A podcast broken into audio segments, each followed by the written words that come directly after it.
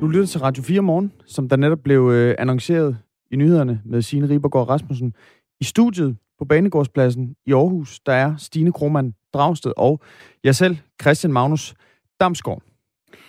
Og i Danmark, der er vi jo i de her uger i fuld gang med at vaccinere blandt andet gamle og de mere svagelige borgere mod covid-19. Men bor man på en lille ø, så skal man selv kunne komme til fastlandet for at få det her vaccinestik. Det gør, at øh, flere ældre reelt ikke har mulighed for at blive vaccineret, det mener formanden for sammenslutningen af danske småøer, Dorte Vinter. Jamen det er da selvfølgelig en udfordring, hvis man har gjort, hvad man kunne for at holde sig isoleret og, og, og holde sig fri af corona og, og den, at blive udsat for smitte, så er det jo en udfordring, at man nu skal transporteres til fastlandet og ind og blive stukket, og så skal tilbage igen. Og, og, og det synes jeg faktisk er, er ærgerligt for de ældre, som jo i lang tid i virkeligheden har måttet undvære andres selskaber og, og, og, og det sociale liv. Derfor her klokken 20 minutter over 6, så taler vi med øh, 80-årige øh, en 80-årig øboer fra Anholdt. Øh, en mand, der egentlig gerne ville øh, være blevet vaccineret, men øh, ikke orker at tage til Randers for at få det her stik i skulderen. Og vi skal også øh, forbi nogle øh, andre væsener, som er noget ældre end dem, som ikke ønsker at blive vaccineret, eller i hvert fald ikke ønsker at tage til Randers for at få øh, vaccinestikket. Nemlig øh, babyhajer. Altså, vi snakker ikke øh, den traditionelle hej, som lever i øh, vandet derude. Det er en øh, forhistorisk haj, som har øh, levet i, også i vandet selvfølgelig, men for flere millioner år siden. Der er nu kommet nyt om, hvor stor de, øh, de unger, som den her haj fik, var. De var ganske store. Det kan du høre mere om klokken 5 minutter over halv syv.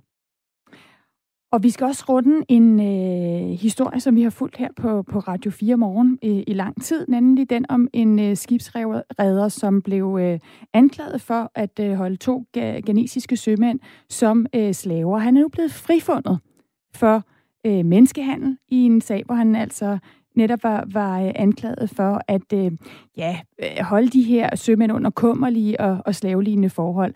Vi taler med, med den journalist, der har fulgt sagen rigtig nøje. Og så fortsætter vi jo også med øh, en historie, som vi var på i går, om øh, forskellen i, øh, i de værnepligtiges vilkår, baseret på køn. Mænd har værnepligt, kvinder har værneret.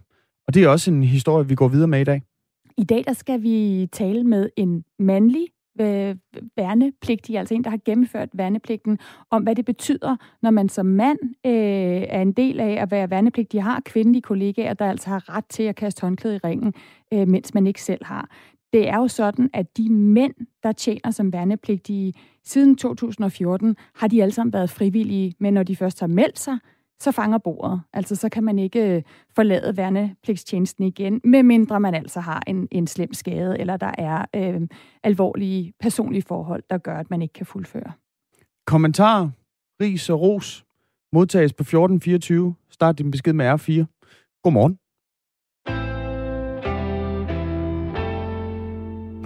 USA's kongres, de tager altså trusler fra UFO'er ganske alvorligt. I hvert fald så har kongressen pålagt flere amerikanske efterretningstjenester inden for et halvt år at fortælle om UFO'er truer USA's nationale sikkerhed.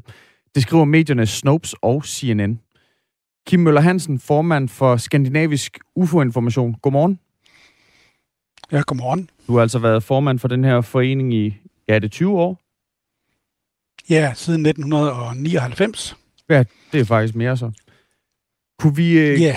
kunne, kunne, kunne du forestille, forestille dig en, en lignende model, øh, som den i, den i USA har hjemme, altså at, at øh, Forsvarets efterretningstjeneste og øh, også PET, altså politiets efterretningstjeneste, de ville skulle underrette Folketinget om, om UFO-aktiviteter? Jeg tvivler på det faktisk, øh, fordi vi har ikke i Danmark haft nogen øh, UFO-oplevelser, som kunne se ud, som om det troede vores sikkerhed. Det har man haft i USA øh, sidste år i april måned, der blev der jo øh, i medierne omtalt tre videoer, som øh, amerikanske flådepiloter havde optaget i et øvelsesområde. Og øh, det er nok det, der har skabt uroen i USA. Man er bange for, hvad er det for noget, der kan trænge ind i, øh, i øh, amerikansk luftrum under en militærøvelse. Er det spionfly, eller er det noget andet? Og så nogle tilfælde har vi slet ikke haft i Danmark overhovedet.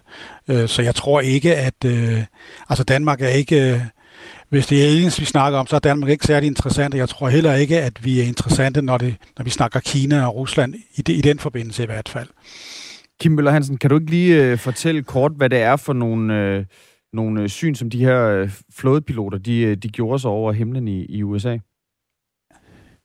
Ja, det er nogle øh, videoer, som er blevet... Øh, de har faktisk eksisteret i... Øh, den ene video er faktisk tilbage fra 2004, men det er under nogle øvelser, som den amerikanske flåde har gjort, hvor nogle piloter i det, som man kalder for et militært operationsområde, altså et område, som er afspærret for civil luftfart, mm. har opdaget nogle øh, uidentificerede objekter på deres øh, altså en infrarød radar. Og det, det var nogle... Øh, objekter, som de ikke sådan umiddelbart selv kunne identificere. Øh, senere har det vist sig, at det sandsynligvis var øh, en kombination af, at øh, radaren var ret ny, og der var fejl på radaren, og at øh, det måske godt kan have været nogle fly eller droner, der har været et godt stykke væk. Øh, men i hvert fald var det jo nok til, at øh, de amerikanske myndigheder øh, allerede her i august 2020 nedsatte sådan en taskforce, som øh, skulle undersøge, eller som fremtidigt skal undersøge de her observationer, som piloter eller andre gør sig i USA. Øh, og det er jo nok et udtryk for, at, at man i USA øh, er øh, nervøs for, om øh, fremmede magter, ikke nødvendigvis fra det ydre rum, det tror jeg nu næppe, men øh, fremmede magter i form af Kina eller Rusland, måske skulle øh, udspionere USA på en ny måde, end de har gjort tidligere. Øh, og man kan sige, at de her piloters øh, observationer er øh, måske ikke særlig usædvanlige. De har bare fået god medieomtale, fordi det sker ofte, at også at piloter øh, inden for forsvaret, øh, det amerikanske forsvar, ser noget, som de ikke umiddelbart kan identificere, men så kan de måske senere finde ud af, hvad det er, de har set. Øh, men det er jo nok til, at man skal undersøge det, fordi øh, det kan jo udgøre en trussel øh, dels for trafikken, flytrafikken, men det kan også udgøre en trussel for, for USA's sikkerhed, hvis det er, at der er nogen, der, der fjoller rundt i øh, amerikanernes sandkasse. Men nu nævner du, at øh, de observationer her, som, øh, som nogle øh, flådepiloter, amerikanske flådepiloter, gjorde sig over et, et militært øvelsesområde, det er altså skyldes en, en fejl på en radar. Vil det sige, at de her øh, observationer, de er sådan blevet tilbagevist, eller der er kommet en mere logisk forklaring på dem Ja, det kan man godt sige. Altså, at øh, det amerikanske flyvevåben er ikke selv kommet med nogle forklaringer. De har bare sagt, her er videoerne, nu må folk kigge på dem. For os, der er det her ikke besøg udefra. Vi er ikke sådan 100% sikre på, hvad det er. Og så har de egentlig ikke sagt mere. Øh, men der er mange, der har undersøgt de her tre videoer. Og øh, folk, som har forstand på dels på fly og på droner og på, hvad man ellers kan se øh, på himlen. Og øh, der er flere forskellige bud, som er meget naturlige. Altså det er det ene kan være et fly, en anden kunne godt være en drone, og, øh, og det der jo selvfølgelig ser mystisk ud på de her videoer, det er, at øh, objekterne foretager nogle vildt hurtige bevægelser, og det mener man så, de mennesker, der har undersøgt de her videoer, kan skyldes øh, fejl på, på øh, den pågældende radar. Øh, der var fejl på, øh, på begge flyenes radar, og der har også været fejl på øh, den radar, man brugte på skibet. Det var en ny øh, type radar, man var ved at indføre, og, øh, øh, og sådan gælder det for alt teknisk udstyr, der opstår. Øh, der er altid børnesygdom i starten, og det er blevet rettet nu. Og det er også interessant, at siden de her tre film er kommet frem, så øh, har man ikke hørt om andre piloter, der har haft problemer med den pågældende radar og har set UFO'er. Så noget tyder på, at det kunne være en kombination af et naturligt fænomen, altså et fly eller en drone, mm. som øh, er blevet filmet, og som så har set mærkeligt ud, fordi radaren øh, har virket på en uhensigtsmæssig måde. Kim Møller Hansen, øh, formand for Skandinavisk UFO-information. Grunden til, at vi taler med dig, det er jo fordi, at USA's kongres de sidste måned vedtog en coronahjælpepakke.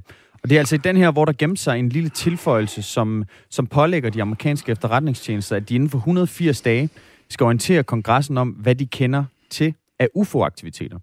Øh, USA's forsvar, de offentliggjorde, som du også har nævnt her, i, i april sidste år, tre videoer, der viser hurtigt flyvende objekter, som flådepiloter er stødt på op i de, de højere luftlag. Den ene fra 2004, den anden fra 2015.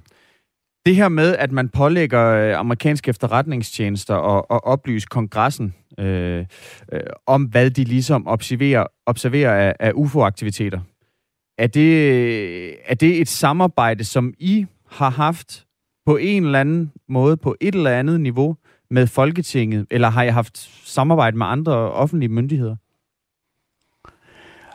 Altså, vi er i Skandinavisk Uge for Information, at vi er blevet pålagt øh, af, af Folketinget eller af myndighederne at fortælle, hvad vi har indsamlet rapporter, og vi har trods alt indsamlet øh, omkring 15.000 danske UFO-oplevelser siden øh, 1957. Men vi er aldrig blevet pålagt at offentliggøre det, og øh, faktisk er det gået den modsatte vej, kan man sige.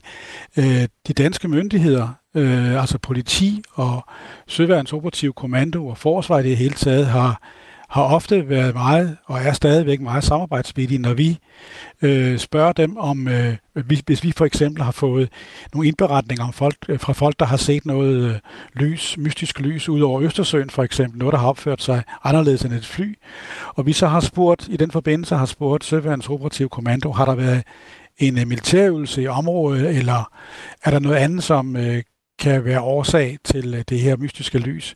Og så har vi ofte fået et ganske fint svar og fået hjælp fra myndighederne.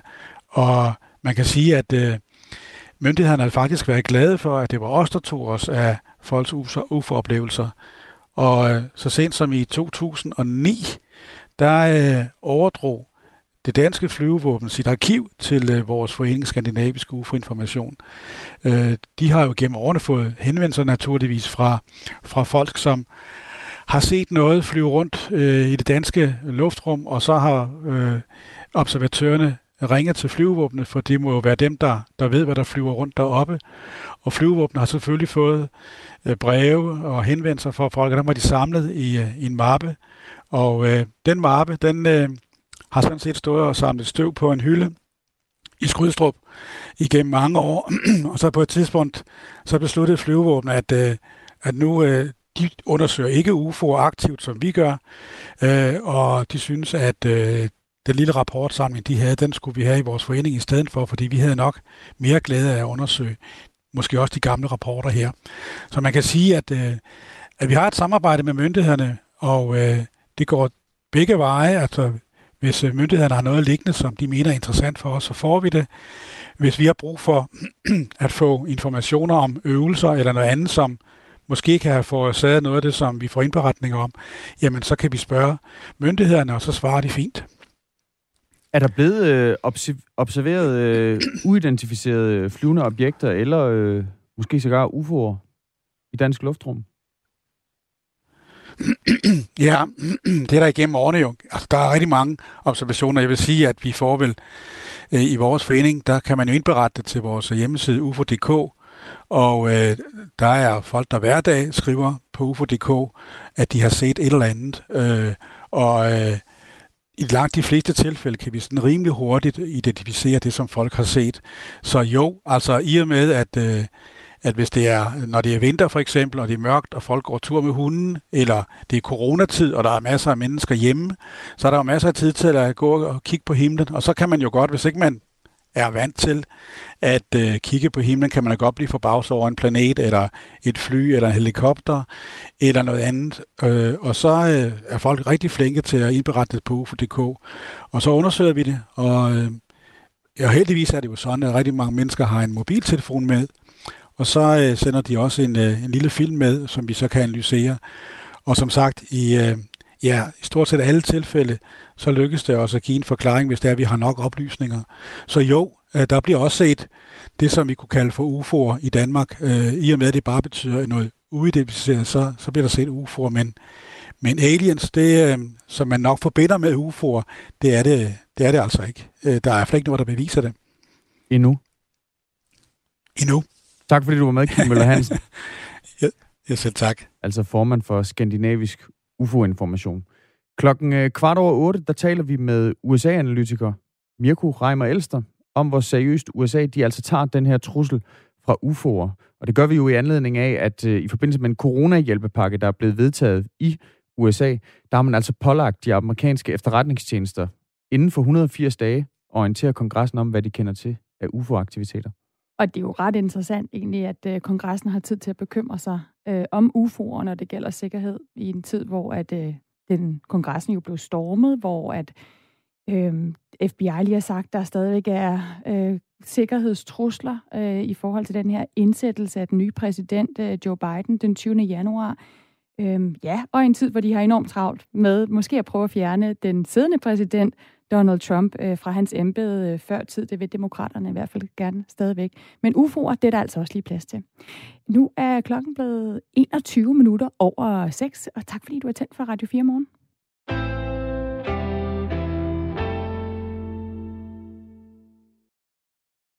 Og så skal vi øh, så skal det handle om vacciner, fordi vi er jo i øh, Danmark, øh, ligesom i resten af verden, i fuld gang med at vaccinere. Først og fremmest øh, gamle og svagelige borgere mod covid-19. Men ude på de danske småøer, der er det ikke så lige til med de her vacciner. Flere ældre borgere har takket nej til en vaccine. Ikke fordi de ikke vil have den, men fordi det ganske enkelt er for besværligt at blive vaccineret. For øh, borgere for eksempel på Anhold, der kræver det nemlig øh, tre, en tre timers lang sejltur, og derefter to timer med både bus og tog og en overnatning i Randers, hvis man altså skal vaccineres. Øh, det er sådan en tur, som øh, du ville skulle ud på, øh, Henrik Gempel. Godmorgen. Godmorgen, godmorgen.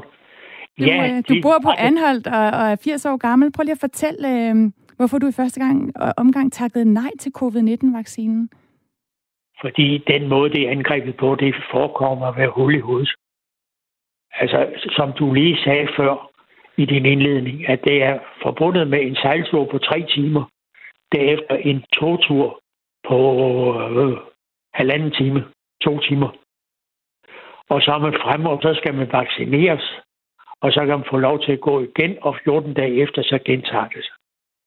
Og det synes jeg, at det er forbandet dyrt, eftersom vi har en dygtig læge her på Anholdt, som sagtens kunne gøre det. Og den her, altså den her besværlighed med at komme til Randers, få vaccinen, øh, skulle blive der, og så tilbage igen efter 14 dage, det var altså grunden til, at du i første omgang takkede nej? Ja, for, ja, for det er jo også forbundet med en overnatning. Og så kommer almindelig forplejning til. Det er jo hunden dyrt ved siden af. Hvad, hvad, vil det, hvad vil det koste dig, Henrik Gempel, hvis du skulle sådan øh, frem og tilbage mellem øh, Anholdt og, og Randers der, for at blive vaccineret?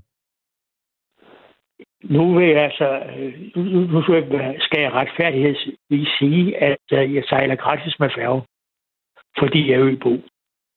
Okay. Men ellers, ellers så koster det, jeg ved ikke, hvad en togbillet koster fra Grenå til, til Randers. Mm. Mm. Retur. Men så kommer der jo forplejning til.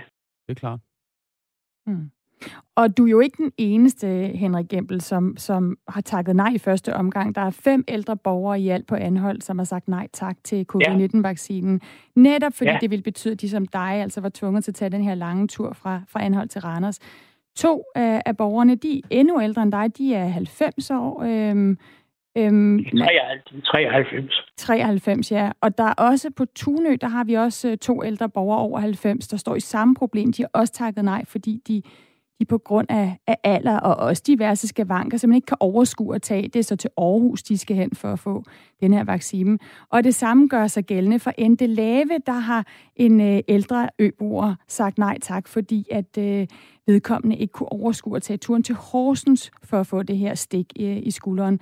Vi har jo talt med Dorte Winter, som er formand for sammenslutningen af danske småøer, og hun mener, at det er vigtigt, at regionerne øh, altså transporterer vaccinerne hele vejen øh, ud til småøerne, så alle borgere, inklusiv dig, har en reel chance for at blive vaccineret mod corona. Udfordringen er jo, at øh, hvis man bor på en småø langt fra fastlandet, og i virkeligheden også i øvrigt, så, og måske også er gået i isolation i sit hus og modtager hjemmehjælp, og så skal have den her vaccine, jamen så er udfordringen, at du faktisk skal flytte dig fra din bolig og ind til fastlandet. Altså anholdt er jo det grælde eksempel, hvor du faktisk skal ind til Randers, og du kan egentlig ikke komme hjem. Det samme gælder på Tunø, og sikkert også måske ikke i så stor omfang på nogle af vores andre fjernøer.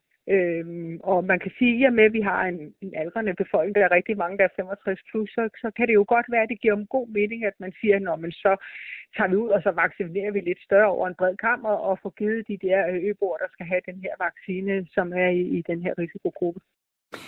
Henrik Gemmel, Gempel, altså øh, øh, øboer på, på Anholdt. Er du, øh, udover besværet med den her tur til Randers, er du så bekymret for at blive smittet på turen?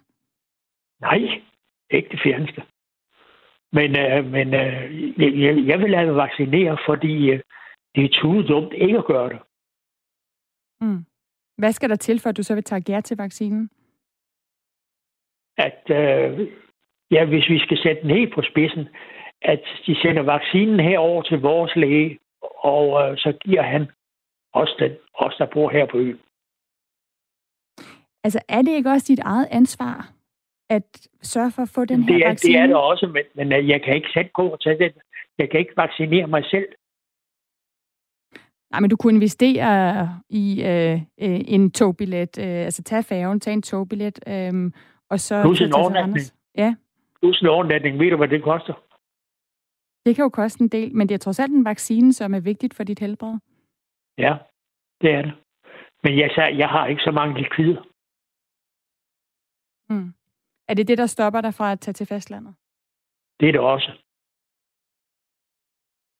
Men kunne du ikke, øh, kunne du ikke finde de likvider? Hvad, hvad, hvad hvis kommunen for eksempel gik ind og sagde, ved du hvad, øh, Henrik, vi giver, vi giver den tur frem og tilbage? Jamen, hvorfor skulle, jeg gøre, hvorfor skulle jeg dog gøre det? Vi har en læge her på øen. Men han har jo ikke nogen vacciner. Jamen, det kunne han få. Så det er det, der skal til. Der skal vacciner til anholdt. Ja. Og der er ingen andre måder at få dig vaccineret på, Henrik? Nej. Nej. Henrik Gempel, en af grundene til, at der jo ikke er vacciner øh, på anhold, det er jo, at de her vacciner, i hvert fald dem, vi har indtil videre, øh, de kan være skrøbelige, de kan være svære at transportere, de skal holdes køligt. Øh, kan du forstå, at det kan være et problem øh, at få de her vacciner ud til de danske småøer, og man derfor bliver nødt til at få borgere som dig ind på fastlandet for at få vaccinen? Ja, det, det, det, kan, jeg godt, det kan jeg godt se. Men uh, det kan vel løses, de problemer. Det finder og det ville være vel blandt andet, man kunne, man kunne tage en isoleret beholder, og de lægge de ampuller, de er ikke så forfærdeligt store, de ampuller ned i, og simpelthen køle dem ned. Altså, man, man har jo noget, der hedder tørreis, blandt andet. Vil du være, Henrik Gempel? Øh, tusind tak for at være med her på Radio 4 morgen og fortælle om, om hvorfor at du indtil videre takket nej til vaccinen, selvom du egentlig gerne vil have den. Ja, det gør jeg. Ja. Tusind tak. Ja, Selv tak, og have en god morgen. Altså Henrik Gempel, der bor på Anholdt, gerne vil have vaccinen, men, øh, men vil have, at det er lægen på Anholdt, der, øh, der vaccinerer ham. Og det her spørgsmål om, hvorfor man egentlig kan få vaccinen ud på en ø, som for eksempel Anholdt, hvor der altså er meget, meget lang transport for at komme ind, og en overnatning oven i købet. Øh, det, vi taler med koncerndirektør hos Region Midtjylland, Ole Thomsen, om, hvordan regionerne vil sørge for, at ældre øboere som Henrik Gempel og andre får en reel chance for at øh, blive vaccineret mod corona. Og det gør vi i næste time. Det er klokken 20 minutter over syv.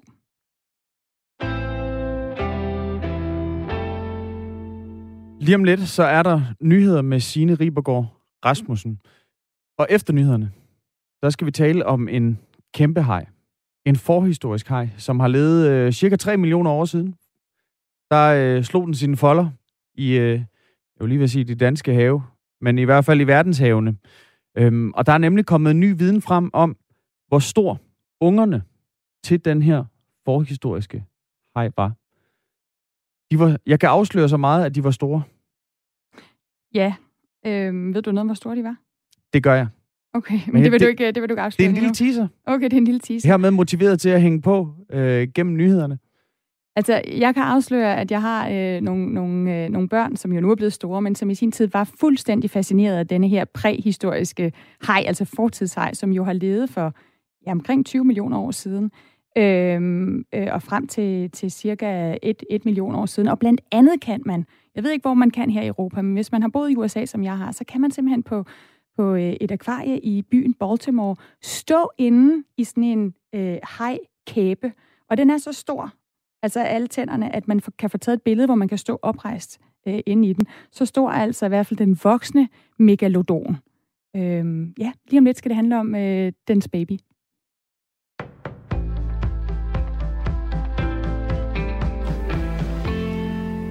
Alle, der bliver vaccineret med Modernas coronavaccine, bør opnå immunitet mod viruset i mindst et år.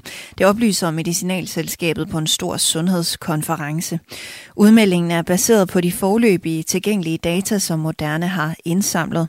På konferencen siger selskabet også, at det har tiltro til, at den teknologi, der ligger bag vaccinen, også er velegnet til at håndtere den nye og mere smitsomme coronavariant, der første gang blev opdaget i Storbritannien. Modernas vaccine er baseret på en mRNA-platform, der er en nyudviklet teknologi. Det er samme teknologi, som selskaberne Pfizer og BioNTech har brugt til at udvikle en fælles coronavaccine. Den nye teknologi gør det muligt at producere vacciner hurtigere end traditionelle vacciner, og det vil formentlig også være relativt enkelt at tilpasse mRNA-vacciner til eventuelle mutationer.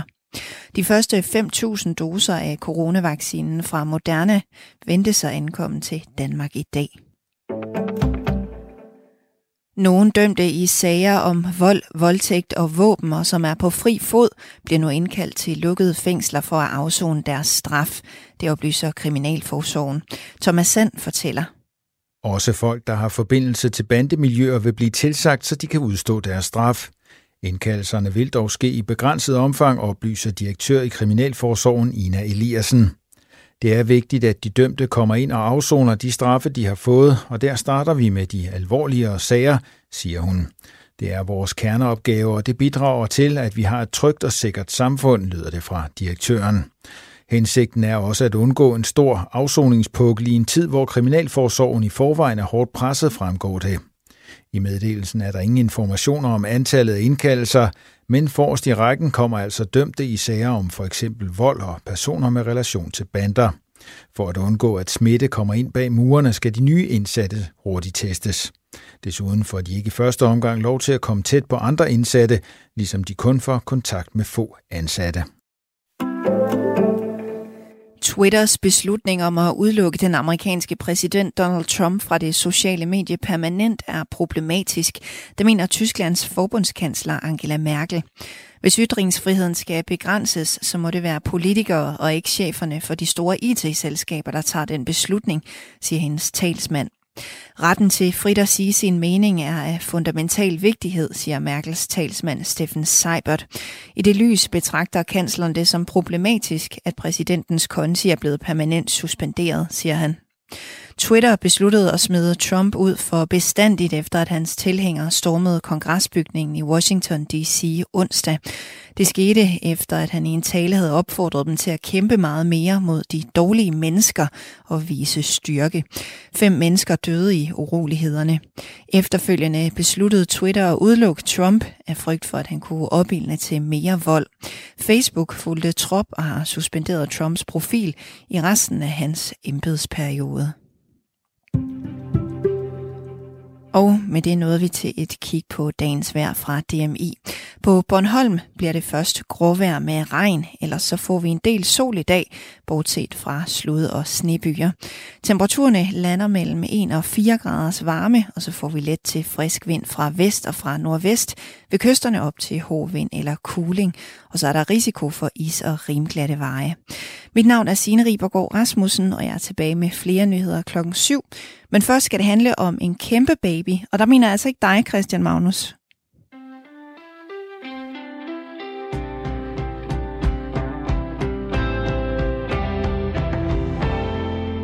Hun er altså utidig i nyhedsstudiet derinde i dag. Signe Ribergaard Rasmussen. Altså, jeg tror, når hun leverer nyhederne, så, øh, så foregår det rimelig straight. Men øh, man kan jo måske altid lige få lov til at, at lægge, lægge en, øh, en lidt hård bold over til dig. Jeg må simpelthen, øh, jeg må må simpelthen om lige gå i kan- tænkeboks over, hvad jeg kan gøre op til nyhederne klokken 7. Vok dig, Signe. Vok dig. Dagen i dag, det er også dagen, hvor vaccine nummer to kommer til Danmark.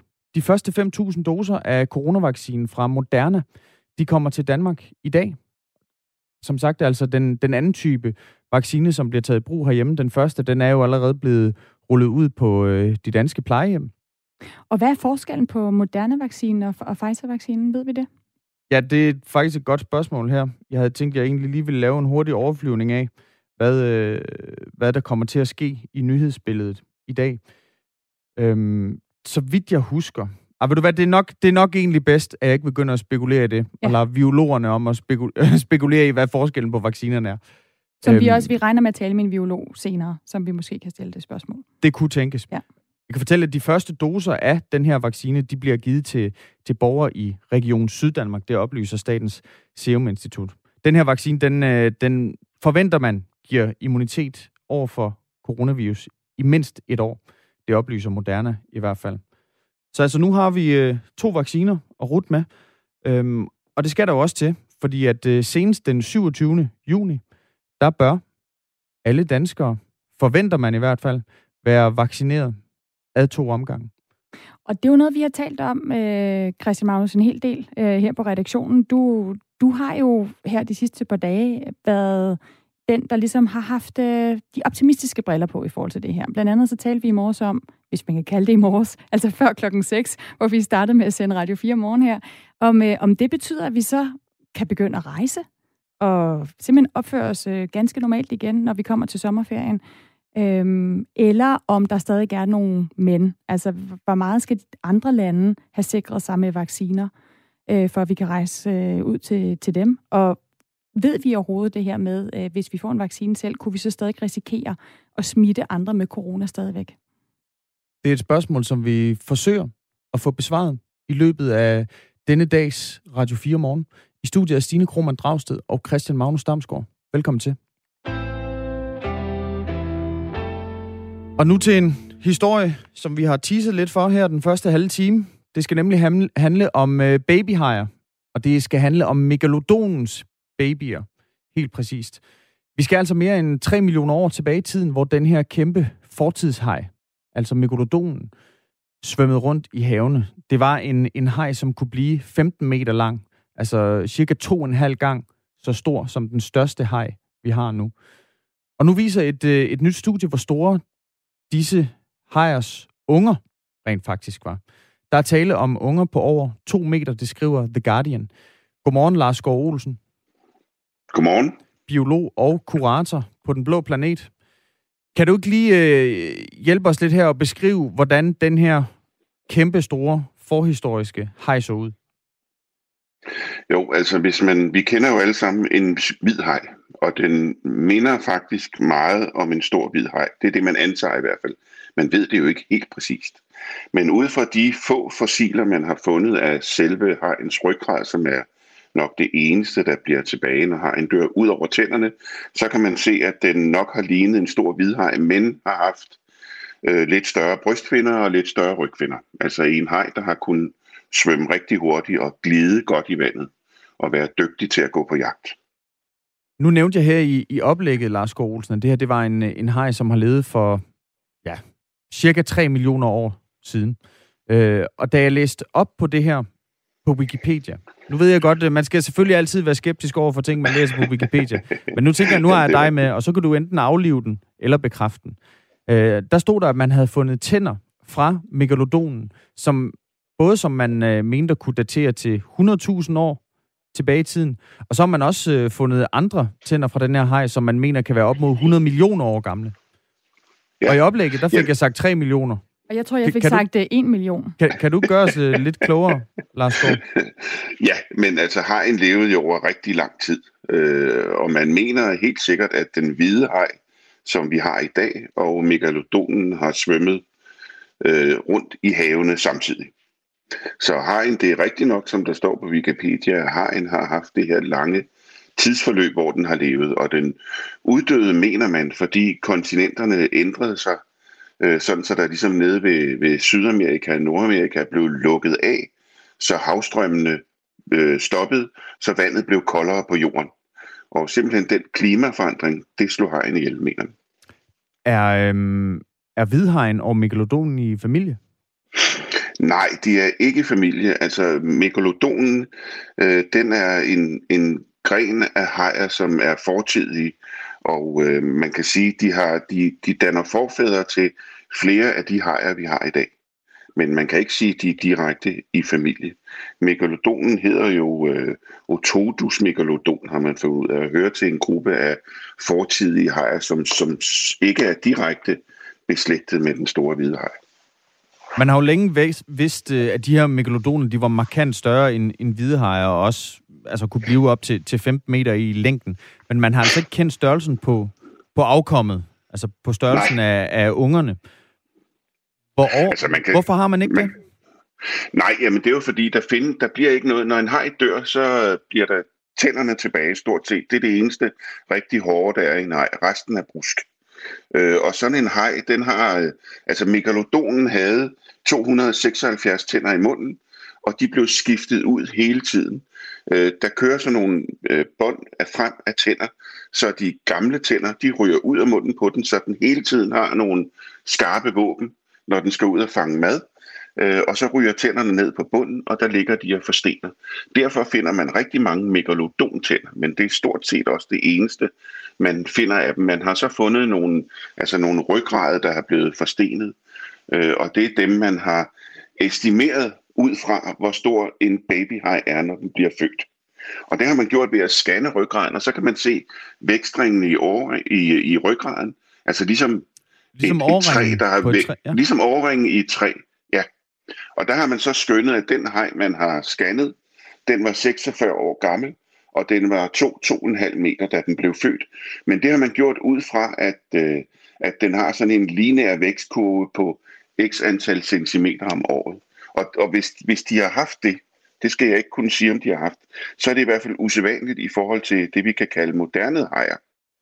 Og, øh, og så kan man også til det kom, kommentere, at, at selve størrelsen 2,5 meter er ikke ret stor, synes jeg, øh, når man tænker på, at en haj kunne blive op til 15 meter. I, i, I nutiden her, der har vi for eksempel en sandtigerhaj, som har det samme som øh, det, forskerne siger, at megalodon nok har haft, altså hvor øh, æggene klækker inde i hajens, hvad skal vi kalde, livmor, øh, og så den første haj, der klækker, den æder resten af ungerne, den ligger sammen med, sådan så den kommer ud med en unge i hver del af livmoren. En sandtigerhej har livmoren delt op i to, øh, to sektioner, to værelser kan man sige, og øh, i hvert værelse ligger der en bunke æg, og det første æg, der klækker, når hajen er cirka, hajungen er cirka 10 cm lang, så begynder den at æde sine søskende. Øh, og når den er færdigudviklet, så har den spist op, og så føder sandtierhajen to hajer, eller to unger. Og øh, en sandtierhaj kan blive 3 3,5 meter i, i det område der.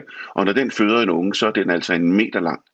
Og hvis man tager det størrelsesforhold op til en megalodon, så synes jeg, at øh, megalodon baby, selvom den dog 2,5 meter er skræmmende, ikke er ret stor.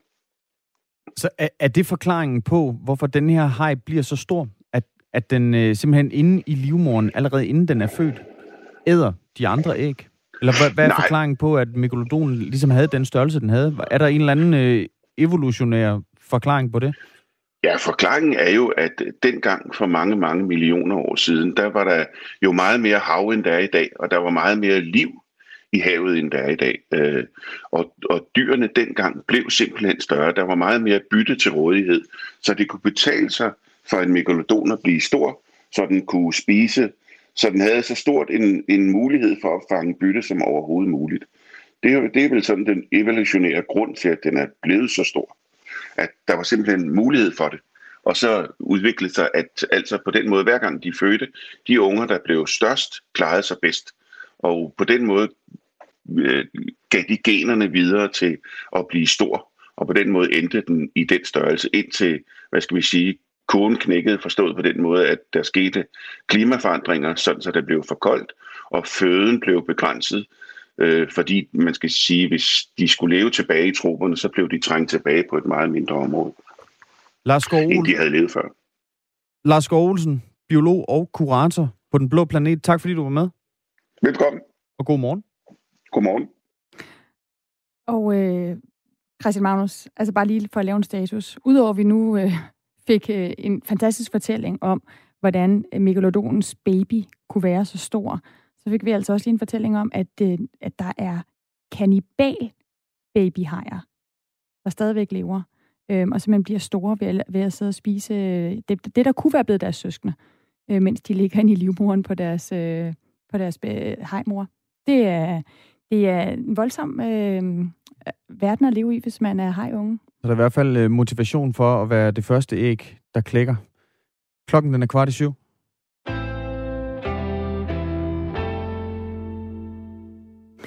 I dag der skal vi fortsætte med at tale om kvinder og værnepligt øh, her i Danmark, fordi det er jo et område, hvor det på mange måder går rigtig godt. I lang tid der har forsvaret gerne vil have flere kvinder ind, og også flere kvinder ind øh, til at tjene værnepligt. Og det er lige præcis, hvad der er sket. Der er flere og flere kvinder, der melder sig frivilligt som værnepligtige. Men den her succes har også en bagside. Det øgede antal øh, værnepligtige, øh, øh, der er kvinder, det betyder nemlig også, at der er flere, der trækker sig fra værnepligten før tid. Det er nemlig sådan, at kvinder i modsætning til mænd, der tjener værnepligt, kan stoppe øh, midt i tjenesten. Og det gør over 16 procent af kvinderne, i hvert fald i 2020. Det viser nye tal fra Forsvarsministeriets øh, personalestyrelse. I andre år har tallet øh, ligget omkring 15-20 procent, øh, oplyser Forsvarets øh, personalestyrelse. Og det, det her med, at kvinder øh, falder fra, altså de her 16 procent, det skaber et problem for de dele af forsvaret, der skal bruge de værnepligtige til at løse konkrete op- opgaver. Altså for eksempel i den kongelige livgarde, hvor man jo uddanner værnepligtige, som for eksempel skal kunne stå vagt om øh, de kongelige slotte og palæer. Og det øh, hørte vi i går fra Oberst Mads Rabeck, det her problem med, at når værnepligtige, der er kvinder, falder fra, så kan det ende med at gå ud over andre, der må gå flere vagter. Det betyder jo i bund og grund, at i den sidste periode, så er der nogen, der skal gå flere vagter, end der ellers er. Fordi øh, vi er organiseret til at have den størrelse, der skal til at løse opgaverne, når alle er der. Øh, og hvis der mangler nogen, så må andre gå på flere vagter. Senere i dag, der skal vi tale med major Anders Bæk, som er, ja, man kan godt kalde ham en af dem, der har ansvaret for den her succes med at rekruttere så mange øh, kvinder. Han er chef for Forsvarets marketingsektion med ansvar for rekruttering til Forsvarets mere end 40 forskellige uddannelser, blandt andet værnepligtsuddannelsen. Og vi skal blandt andet spørge major Anders Bæk om, øh, hvad han tænker over det her med, at 16 procent af kvinderne øh, falder fra, og om forsvaret i deres rekruttering har været gode nok til at beskrive den virkelighed, der møder de unge kvindelige værnepligtige, når de rekrutterer. Vi har talt med Lærke Madsen, som er en af de mange kvinder, der meldte sig frivilligt øh, som værnepligtige sidste år. Hun øh, var med sin 100, eller er med sin 163 cm, en af de mindste i sin deling. Øh, hun oplevede generelt, at der ikke blev gjort forskel på mænd og kvinder, der skulle gennemføre værnepligten. Der er jo ikke nogen forskel Øhm, fordi vi bor sammen og går i bad sammen, og vi skal kunne det samme, som drengene skal kunne, når vi træner. Vi skal kunne løfte de samme tunge ting. Men da Lærke Madsen blev øh, skadet i sit knæ, så oplevede hun alligevel en forskel i behandlingen af mænd og kvinder. Altså, jeg fik opfattelsen af, at hvis de blev skadet, så fik de lov til at hvile sig og trække sig lidt ind til, at det var blevet bedre. Hvor at os kvinder, vi får ikke lov til at hvile os, og vi skal bare blive ved med at kæmpe. For eksempel med mit knæ, jeg fik ikke lov til at hvile det. Jeg fik bare at vide, at jeg skulle bare fortsætte, og det var for dårligt, hvis jeg tog en sygedag på grund af mit knæ. Fortæller Lærke Madsen altså her. Til gengæld, så kunne hun stoppe værnepligten før tid. Det kan hun, fordi hun er kvinde. Mens de mænd, som hun var i deling med, de har, de har altså ikke den mulighed. Uh, hun fortæller dog Lærke her, at hun ville ønske, at hun var fortsat i sin værnepligt, men, øh, men den situation, hun stod i lige på det tidspunkt, der synes hun altså, at det var svært. Jeg er jo mig selv nogle gange stået går, at jeg ikke bare fortsætter kæmpet, men når man står i situationen derinde, og man, eller man sådan lidt får at vide, at du skal nok egentlig bare til hjem, så, så det er jo til sidst det, man tænker, at så det er jo nok bare det, jeg skal. Beate Slyk Andersen, som forsker i kvinder i forsvaret og har fuld værnepligt i sit feltarbejde, hun peger også på, at det kan være en ulemp for kvinderne, når alle ved, at de ikke har pligt til at fuldføre værnepligten, ligesom mænd har. Den forskel, der lige nu er rent juridisk imellem mænd og kvinder, når de er i værnepligten, øh, det betyder, at den her mulighed, kvinder har for faktisk at, at afbryde værnepligten, der bliver holdt imod dem. Forstået på den måde, at hvis man som kvinde beklager sig over, at noget er hårdt, kan man sagtens få man sige, tilbage i hovedet, at så kan du bare skrive, og så kan du bare tage hjem. Og det er sådan noget, jeg selv, kan sige, kommentarer, jeg selv har overværet øh, et par gange, imens jeg fulgte et hold værnepligtige igennem deres uddannelse. Senere på morgen, der skal vi altså også tale med en mandlig værnepligtig, som har mærket, hvilke konsekvenser den her mangel på ligestilling har på, på dynamikken i en deling. Og ham taler vi altså med i cirka 7 minutter over syv.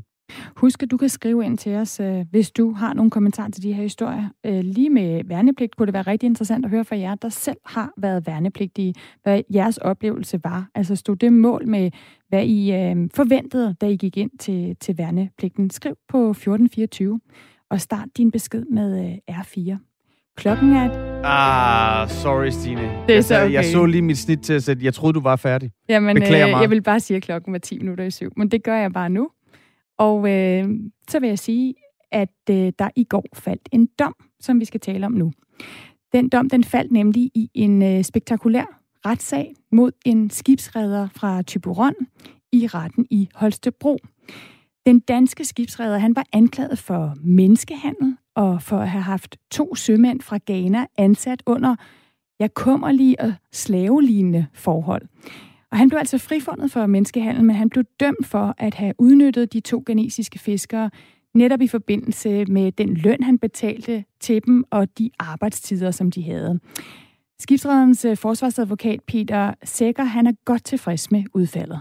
Jeg er ovenudlettet på min klients vegne. Hvorfor det? Jamen det er fordi, hvis anklageren har fået sin vilje, så har han skulle afzone en fængselsstraf på 3,5 år. Og det skal han ikke. Nu slipper han for at komme i fængsel. Hvis anklageren har fået sin vilje, så skulle han have betalt en meget stor bøde. Det skal han ikke. Det er kun firmaet, der har pålagt en bøde. Han har mistet, han har mistet sit fiskeskib, og, øh, og, og, og han var blevet kaldt slaveejer. Og heller ikke det fik anklageren medhold i. Så alt taget betragtning, så er, så er jeg virkelig lettet. Men han er jo ikke blevet frikendt for det hele. Nej, han blev dømt for at have haft ansat to afrikanske mænd til for lav en løn, så at sige. Og øh, den vurdering er jeg uenig med, med retten i, men ja, se med mine øjne, så var det klart det mindst alvorlige i den her sag, så jeg, jeg er meget lettet. Ja, sådan så det altså ud set med forsvarsadvokat Peter Sækkers øjne. Nu skal vi se sagen gennem dine øjne, Simon Hyllested. Godmorgen. Godmorgen. Du er journalist på TV MidtVest og har fulgt øh, den her sag og den her retssag tæt. Hvis vi lige starter fra begyndelsen, øh, fordi det er jo en sag, der har foregået et, et stykke tid. Hvordan starter så den her sag om de to ghanesiske fiskere? Jamen, den her sag, den starter sådan set allerede tilbage i øh, starten af 2017, hvor den her rædderiejer, som han jo er fra Tyborøn, han øh, står over for at skal sende et skib til Vestafrika for at fiske. I den forbindelse, der rekrutterer han så de her to øh, ghanesiske mænd. Øh, det gør han ligesom for at have noget lokalt kendskab og nogen, der kan kommunikere med de forskellige øh, havnemiljøer i området. Så han får de her to til, øh, til Danmark, og det gør han simpelthen for, at de kan øh, være med øh, i besætningen fra starten af og kan være med til at, at klargøre skibet. Så, så planen var egentlig, at de skulle have et kort ophold i Danmark, og så skulle de ellers øh, følge det her skib til Afrika, hvor de så skulle øh, øh være med til at fiske. Det, øh, det skete så bare aldrig, og det er jo derfor, kan man sige, at den her sag, den, øh, den sådan for alvor tager fart, fordi øh, de kommer til, til Tyberøn og, og bor og arbejder ligesom på det skib, som de skal sende til sted med. Og så sker der simpelthen det utrolige, at det øh, kolliderer en dag i havnen i Tyberøn med et andet skib og støder på grund.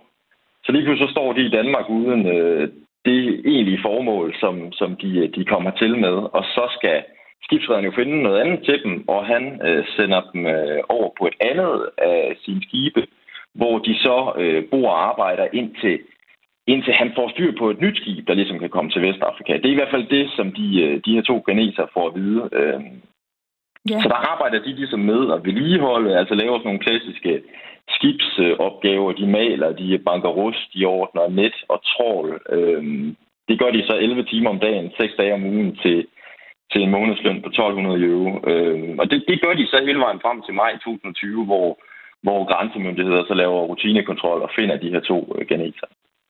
Og Simon Hyllested, altså journalist på, på TV MidtVest. Øh, vi har jo tidligere her på Radio 4 Morgen også talt med øh, en af sømændene, Justice Newmas, som, om den her sag. Og hans, øh, hans engelsk er lidt gebrok, men, men øh, vi skal lige høre et lille klip fra det her interview, og så skal jeg nok oversætte bagefter. My name is Justice Ebenezer Numo. I'm 51 years now. For how long have you been working in Tiburon? Three and a half years. This, this is not my intention that I should come and work in Denmark. The reason we came here Ja, altså Justice Benisa Numo, han fortæller altså, at han er 51 år. Han har arbejdet i Tyboron i 3,5 år, og det var ikke hans intention at komme og arbejde i Danmark. Han, han kom, som du også fortæller, Simon Hyllested, fordi han troede, han skulle sejle en båd til Afrika. Men den her båd kom så ud for en ulykke, den sank, og så ventede de på, at skibsrederen købte en ny båd.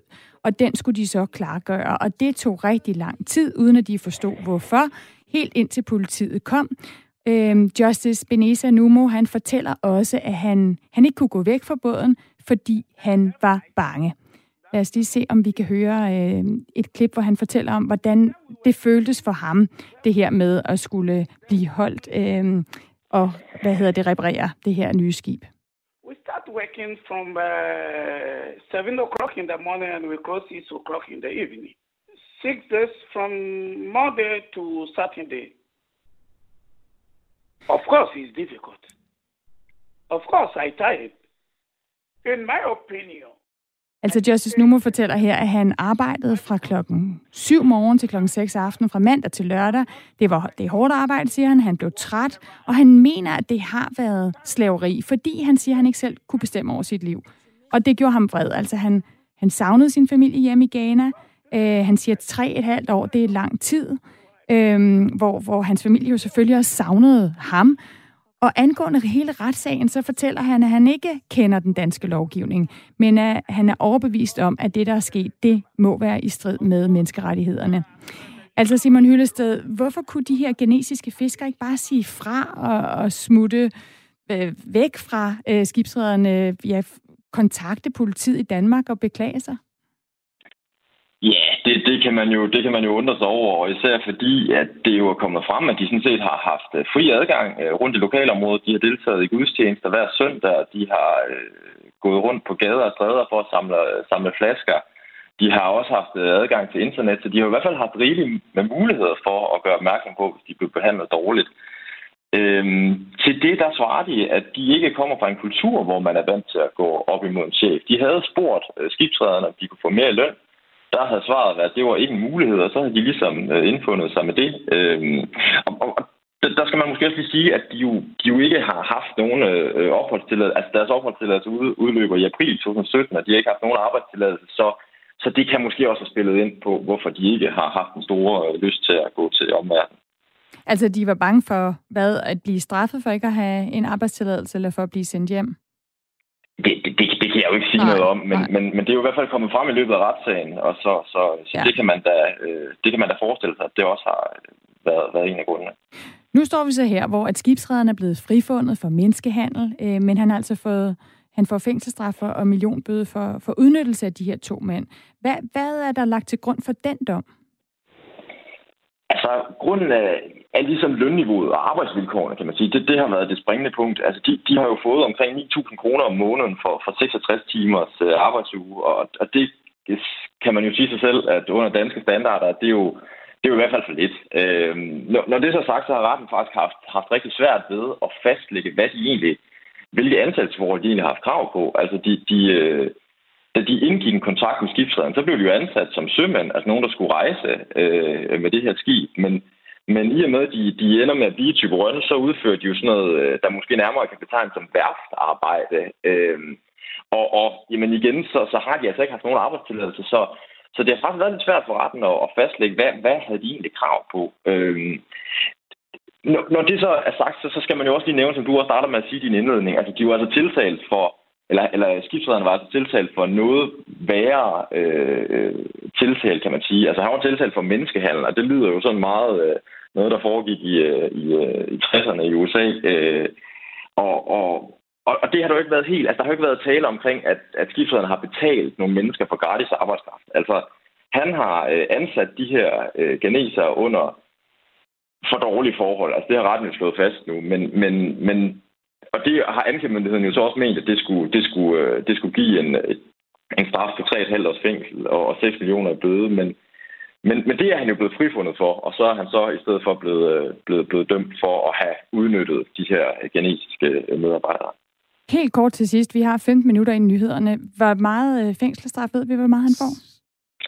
Han får halvandet års betinget fængsel, som det hedder. Altså han, øh, han kommer aldrig, som forsvar med så malerisk udtryk så kommer han aldrig til at se indersiden af et fængsel. Men øh, han får en straf og skal betale en bøde på 3 millioner kroner. Tak, Simon Høllestad, øh, journalist for TV MidtVest, for at være med og rulle den her sag op øh, for os. Selv tak. Nu er klokken blevet syv på Radio 4 morgen.